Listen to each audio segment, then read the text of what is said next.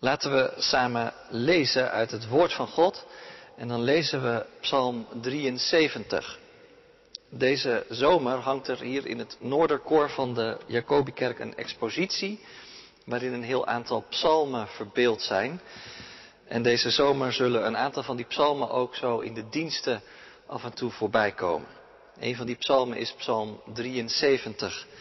We lezen Psalm 73 vanmiddag. En daar lezen we het volgende. Een psalm van Asaf. Ja, God is goed voor Israël, voor wie zuiver zijn van hart. Toch had ik bijna een misstap begaan. Bijna waren mijn voeten uitgegleden.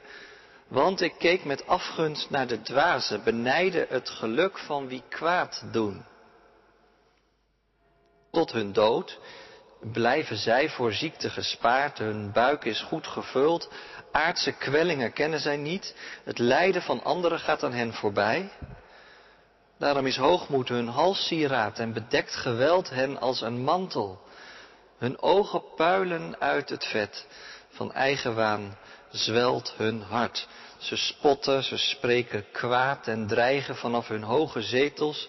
Ze zetten een mond op tot aan de hemel en hun tong roert zich overal op aarde. Daarom lopen de mensen achter hen aan, drinken hun woorden in als water en zeggen, hoe zou God iets weten? Heeft de Allerhoogste een antwoord? Zo zijn de goddelozen ten voeten uit. Ze verrijken zich onverstoorbaar. Ja, vergeefs hield ik mijn geweten zuiver en waste ik mijn handen in onschuld, want ik werd gestraft, dag aan dag, en geslagen, elke morgen weer. Maar zou ik spreken als zij, ik pleegde verraad aan Gods kinderen. Dus bleef ik nadenken. Ik wilde weten waarom. Het was een vraag die mij kwelde. Tot ik Gods heiligdom binnenging en mij hun einde voor ogen bracht. Ja, u zet hen op een glibberig pad en stort hen in een diepe afgrond.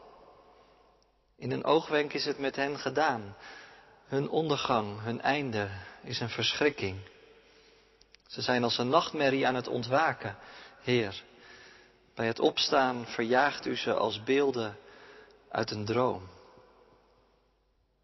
Zolang ik verbitterd was, gekwetst van binnen, dom en dwaas, was ik bij u als een redeloos dier. Maar nu, nu weet ik mij altijd bij u. U houdt mij aan de hand en leidt mij volgens uw plan. Dan neemt u mij weg, met eer bekleed. Wie buiten u heb ik in de hemel? Naast u wens ik geen ander op aarde. Al bezwijkt mijn hart en vergaat mijn lichaam, de rots van mijn bestaan, al wat ik heb is God, nu en altijd. Wie ver van u blijven, komen om. Wie u ontrouw zijn, verdelgt u. Bij God te zijn is mijn enig verlangen. Mijn toevlucht vind ik bij God de Heer. Van al uw daden zal ik verhalen. Dit is het woord van God. Gelukkig ben je als je het hoort en er naar leeft. Amen. Gemeente van Christus, broeders en zusters, zoals we hier in de kerk samengekomen zijn en iedereen die thuis met ons verbonden is. Het was weer raak op Schiphol afgelopen week. En misschien heb je de beelden wel gezien. Van een enorme rij met wachtende mensen, zelfs tot op de parkeerplaats. Sommige reizigers moesten wel drieënhalf uur wachten. En toen waren ze nog steeds niet ingecheckt. En anderen moesten na uren wachten weer onverrichte zaken op huis aan. Missie mislukt. Maar opvallend genoeg, wie het aandurfde om op de sociale media een klaagtweet hierover te sturen, die kon op weinig medelijden rekenen. Want moet je maar niet gaan vliegen. Je kunt toch ook de trein nemen? En zeg nu zelf, daar zit natuurlijk wel wat in. Al die vakantievirus maken de klimaatproblemen er natuurlijk niet minder op. Moet je daar nou voor worden beloond als je gaat vliegen? En dat je dan vervolgens drie weken lang heerlijk op het strand mag liggen? Eindelijk gerechtigheid, dachten volgens mij heel veel mensen in onze samenleving. Nou ja, dat is zomaar één voorbeeld van, van zo'n morele meetlat, weet je wel, waar we elkaar de maat meenemen. En waar je soms ook jezelf de maat meeneemt. En waar je dan verrassend genoeg soms best wel goed uitkomt. Moet je kijken hoe goed ik het doe. Maar dan kan de verontwaardiging wel snel oplopen als je ziet dat anderen het niet zo goed doen, maar dat het ze toch voor de wind gaat. Kan toch niet zo zijn dat verkeerd gedrag wordt beloond? Als dat zo is, waarom zou je dan je geweten zuiver willen houden? Als degene die gewoon lekker voor zichzelf kiezen, daar prima mee weg lijken te komen? Nou ja, dat is een beetje de worsteling van Asaf in die psalm. Asaf zit met een heel existentiële vraag. Heeft het eigenlijk wel zin om God te dienen? Waarom zou ik het goede willen doen? Waarom zou ik mijn geweten zuiver willen houden? Want als ik eerlijk ben, zegt hij, dan heb ik het gevoel dat het me soms bitter weinig oplevert. Sterker nog, lijkt wel alsof ik ervoor gestraft word. Het lijkt wel alsof juist de dwazen en de kwaden in de wereld de wind mee hebben. Ze hebben een puikengezondheid, ze kennen geen leed, ze voelen zich groter dan ieder ander, ze misbruiken hun macht en ze durven het zelfs op te nemen tegen de Allerhoogste God. Wat heeft God met ons te maken? En trouwens, bestaat die God wel? Is er wijsheid bij de Allerhoogste? Kortom, als je Psalm 73 begint te lezen, dan is dat eerste stuk een soort reality check door Asaf. Ja, God is goed voor Israël, maar, maar het lijkt wel alsof de God die hij beleidt en hij aanbidt, er op het eerste gezicht ook wel wat bekaaid afkomt. Als je dat leest, dan kun je je afvragen, is Asaf nou zijn geloof kwijt? Nou, dat denk ik niet. Want ik zei het al, er ging een hele mooie beleidenis aan vooraf. Een heel krachtige beleidenis, dat is de inzet van Psalm 73. Ja, God is goed voor Israël, voor wie zuiver van hart zijn. Dus dat is de opmaat. En je mag er toch van uitgaan dat dat een oprechte opmaat is. Dat Asaf daar weet van heeft. Dat God goed is. Asaf vertrekt vanuit het beleiden. Niet vanuit de skepsis of het ongeloof. Wat hij verder ook zegt. Maar juist als je vertrekt vanuit het beleiden, juist in het leven van een gelovige, kan zomaar de vertwijfeling je om het hart slaan. Misschien ken je het wel.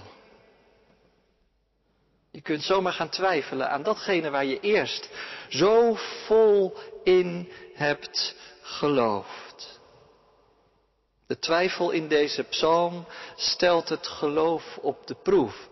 Het levert zich er niet aan uit. Gelukkig maar.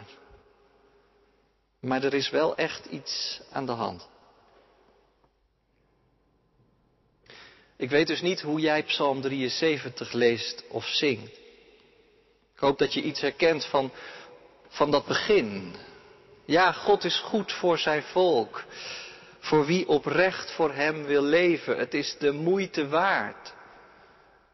Dat je dat regelmatig zo hebt ervaren.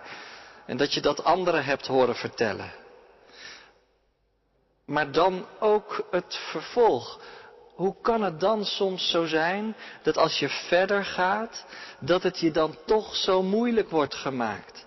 Waar komen die gedachten vandaan over de vraag of het wel eerlijk is wat jou overkomt? Of over de vraag waarom zoveel mensen niets met God lijken te hebben en dat helemaal prima vinden? Waar komen al die vragen vandaan waar je het zomaar eens heel lastig mee kunt hebben? Vragen die moeilijk zijn, vragen die soms onoplosbaar lijken. Vragen waar je soms voor weg wil lopen. Vragen die er zijn. Nou, wat je van Psalm 73 kunt leren is in elk geval dit. Dat die vragen er ook mogen zijn. De dichter van die psalm stopt ze niet weg. Nee, hij schrijft ze gewoon op. Maakt er een lied van. Psalm 73 laat zien dat je dat soort vragen mag stellen en dat er ook een plek is waar je met die vragen naartoe kan. Want nadat Asaf heel open heeft gesproken over wat hem bezighoudt en waar hij mee zit, dan laat hij het daar niet bij.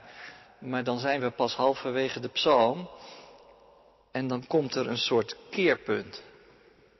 In de versen 15 tot en met 17. Je zou kunnen zeggen, het hart van Psalm 73, het keerpunt, het moment van de waarheid, dat zit ergens daar. En dan blijkt dat Asaf een paar dingen doet die belangrijk zijn om je te binnen te brengen.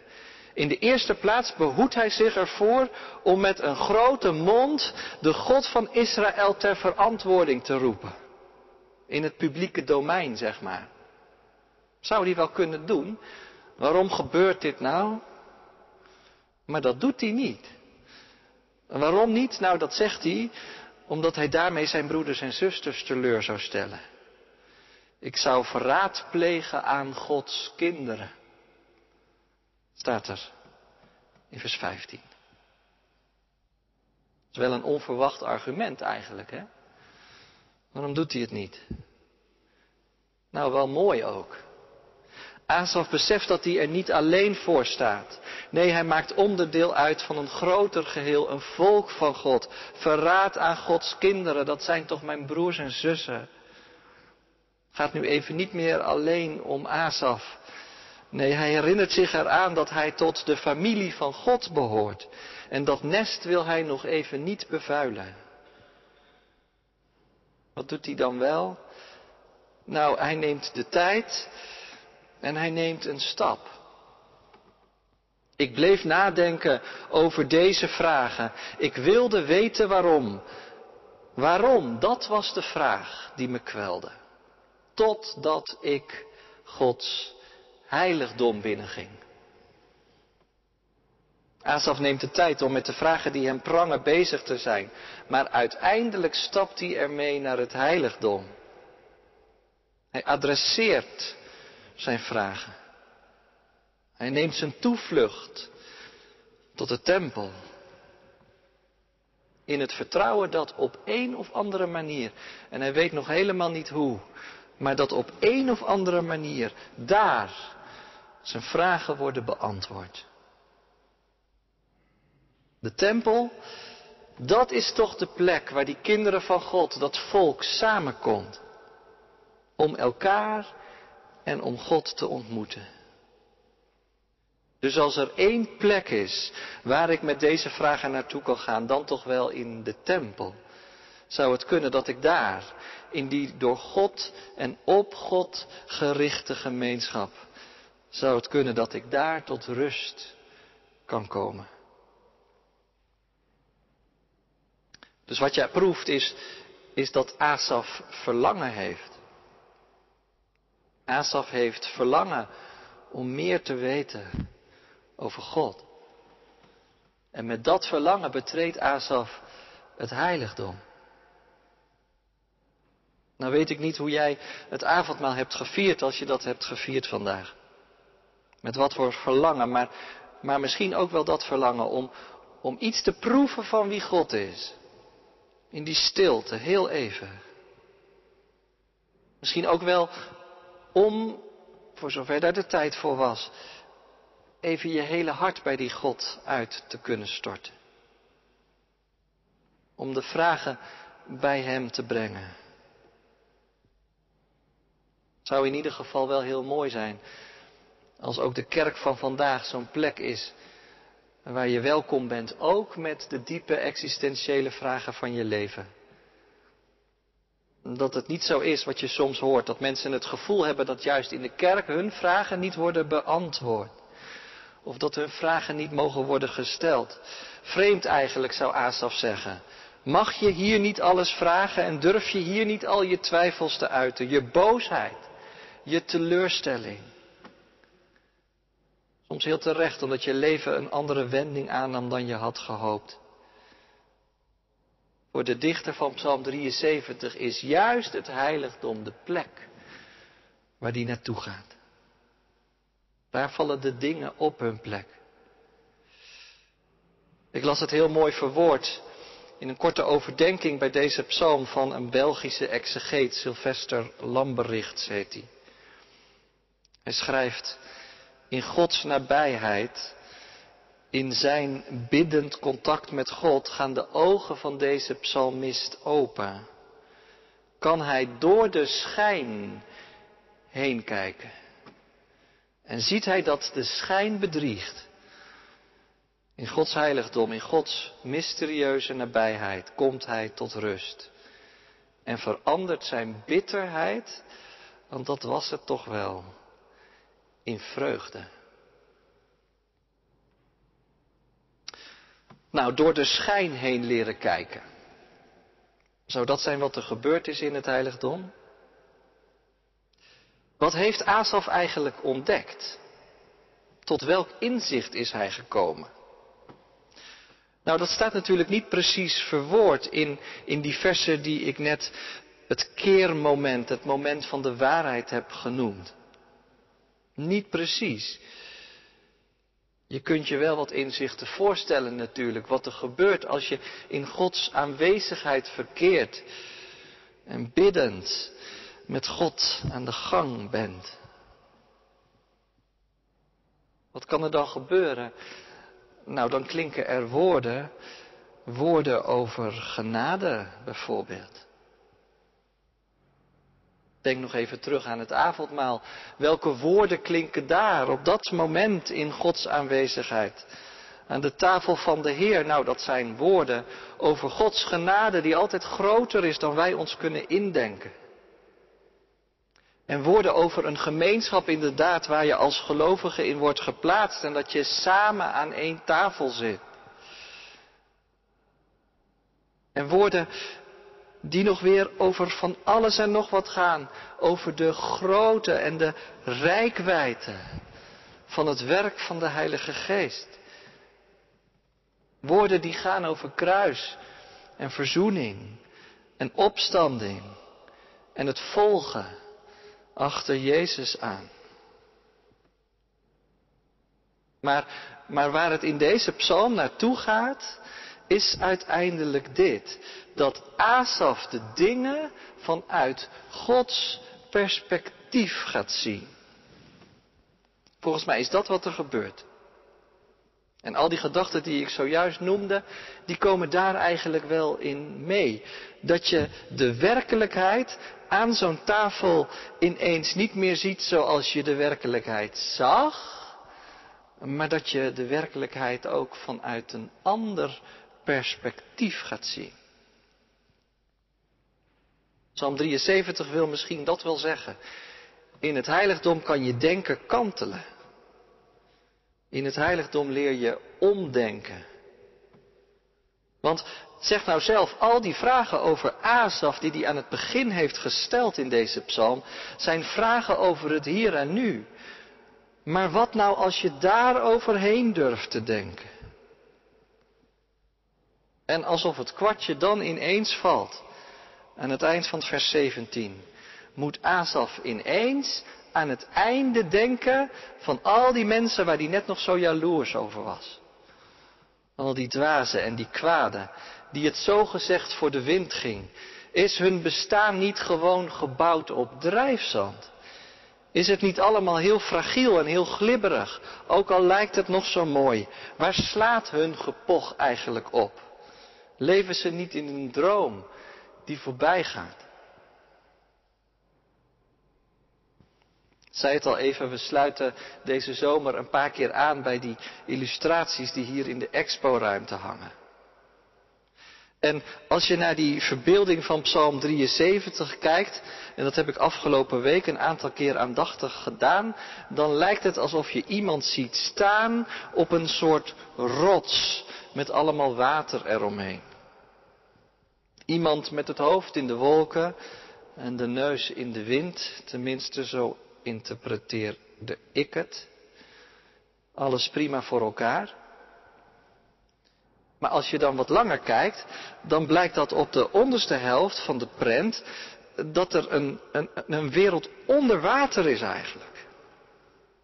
Dan blijkt dat die rots boven water aan de onderkant een soort ijsschots is. Een ijsberg die drijft in de zee. En dan besef je, er hoeft maar dit te gebeuren of het geheel kantelt en verschuift. Hoe duurzaam is onze voorspoed eigenlijk? Hoe vast is de rots waarop we bouwen? In het heiligdom leert Asaf omdenken. Het lijkt alsof het de boze voor de wind gaat, maar in feite worden ze door God op een glibberig pad gezet. Dat zegt hij als die er weer uitkomt. In een oogwenk kan het met hen gedaan zijn. En wat dan? Wat blijft er dan nog over van alles waar ik zo van onder de indruk was? Het is dus wel fascinerend om te zien hoe hoe de dichter van deze psalm in één klap halverwege die psalm genezen lijkt te zijn van zijn afgunst en zijn zelfmedelijden. Maar er ligt volgens mij dit onder, dat hij beseft wat zij doen ligt voor hen. Oog in oog met God in het heiligdom gaat het niet over hen, maar over mij. Lijkt wel alsof Asaf in het heiligdom tot, tot de orde is geroepen. Nu moet je stoppen. En daardoor is zijn blik verplaatst. Van al die anderen waar hij zo lang van onder de indruk was. Eerst naar zichzelf, maar vervolgens direct door naar de ene. Die hem ondanks alles niet heeft verlaten. Want dat is zijn ervaring ook. Als je verder leest. Asaf realiseert zich, terugkijkend, ja, maar op mijn meest slechte momenten was het de genade van God die mij er toch doorheen gedragen heeft. Gods genade die alles in een ander daglicht plaatst.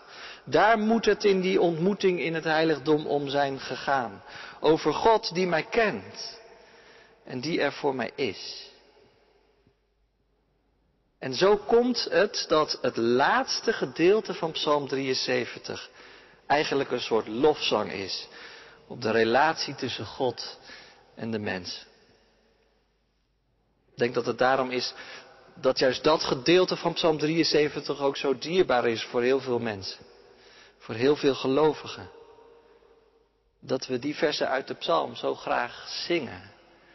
Omdat ze zo vol zijn van Gods liefde voor ons.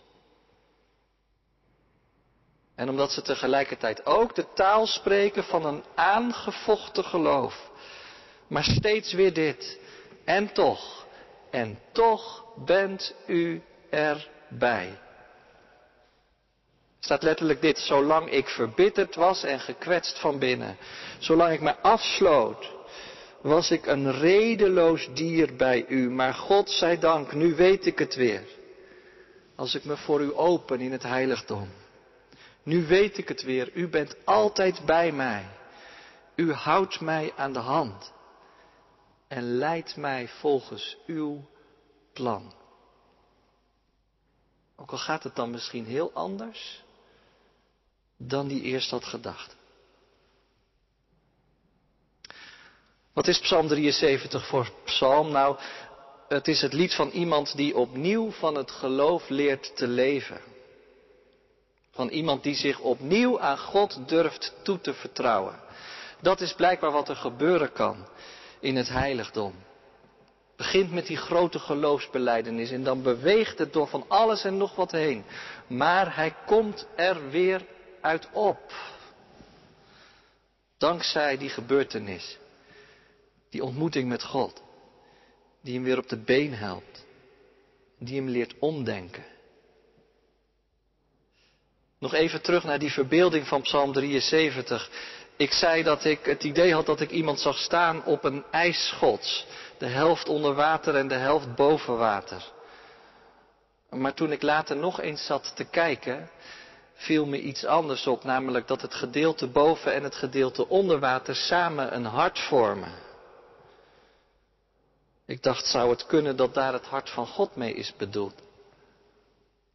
Dat het toch iemand is die stevig geworteld staat. Gegrond op de rots, op de liefde van de Vader. Want ja, zo staat het er wel in Psalm 73. Al bezwijkt mijn hart en vergaat mijn lichaam, de rots van mijn bestaan, al wat ik heb, is God, nu en altijd. Zo maakt 73 die beweging. In het eerste gedeelte gaat het eigenlijk vooral om de ander. Je ziet een mens die vol vertwijfeling om zich heen kijkt. Naar al die mensen die het zo verrassend voor de wind lijkt te gaan. En dan beweegt het naar dat moment dat het vooral over de dichter zelf gaat. Wat hij in het heiligdom deed en wat hij toen dacht. Om de ik-figuur die oog in oog met de heilige de dingen vanuit een ander perspectief gaat zien. En wat levert dat dan op? Nou, het beweegt zo verder. Dat zie je aan het eind. God zelf heeft zich in het heiligdom als een persoonlijke God aan hem leren kennen opnieuw. Als een God die zichzelf geeft. En dan kan Asaf ook eindigen met deze woorden. Al wat ik heb, bent u. Al wat ik heb, bent u. Die beweging maken we steeds opnieuw in de kerk. Al wat ik nodig heb, bent u. Daarom bidden we, dat vieren we, dat God zichzelf geeft in Christus. En dat je dan zegt, dat is meer dan genoeg. Amen.